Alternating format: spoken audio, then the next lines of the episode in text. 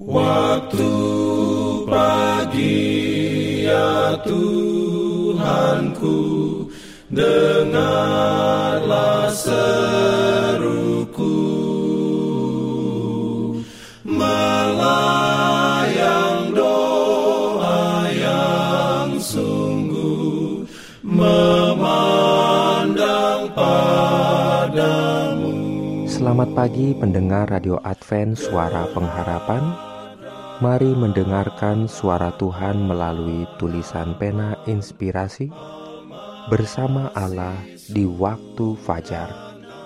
Renungan harian 18 November dengan judul Dia akan menerangi kegelapan.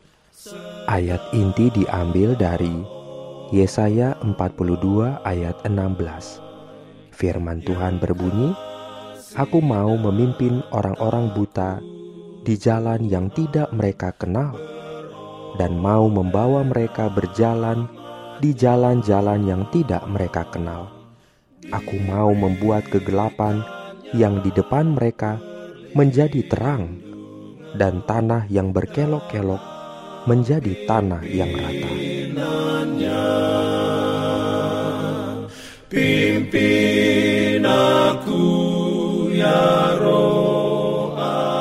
Urayanya sebagai berikut. Pencobaan yang dialami orang Kristen dalam kesedihan, kesengsaraan, dan celaan adalah cara yang ditetapkan Tuhan untuk memisahkan sekam dari gandum. Kesombongan, keegoisan, nafsu jahat, dan cinta kesenangan duniawi kita semuanya harus dikalahkan. Karena itu, Tuhan mengirimkan penderitaan kepada kita untuk menguji dan membuktikan kita dan menunjukkan kepada kita bahwa kejahatan ini ada dalam karakter kita. Kita harus mengatasi melalui kekuatan dan kasih karunia-Nya agar kita dapat mengambil bagian dalam kodrat ilahi setelah lolos dari kerusakan yang ada di dunia akibat hawa nafsu, penderitaan, salib, godaan, kesulitan, dan berbagai pencobaan kita adalah pekerjaan Tuhan untuk memurnikan kita, menguduskan kita, dan menjadikan kita layak untuk kerajaan surga. Oh, mengapa kita begitu peka terhadap pencobaan dan celaan? Rasa malu dan penderitaan ketika Tuhan kita telah memberi kita teladan kesabaran? Siapakah yang ingin masuk ke dalam sukacita Tuhan mereka, sementara mereka tidak mau mengambil bagian dalam penderitaannya? Apa?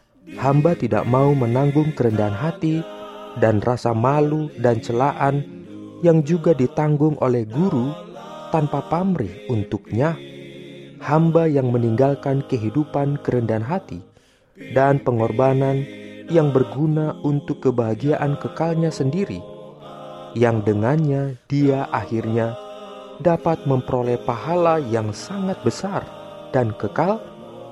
Bahasa hati saya adalah, biarkan saya menjadi serupa dengan Kristus dalam penderitaannya, sehingga saya akhirnya dapat berbagi dengan Dia kemuliaan itu. Jangan meninggalkan ketabahan Anda oleh karena ejekan dan cemooh orang-orang yang pikirannya disesatkan. Ikuti juru selamatmu meski engkau dikatakan sebagai orang jahat atau baik. Amin. Dalam pimpinannya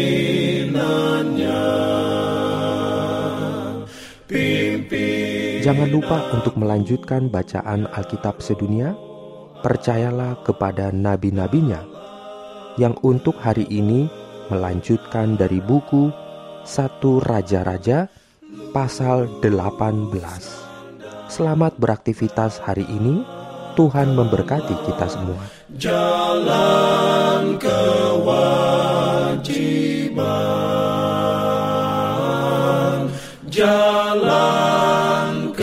slow.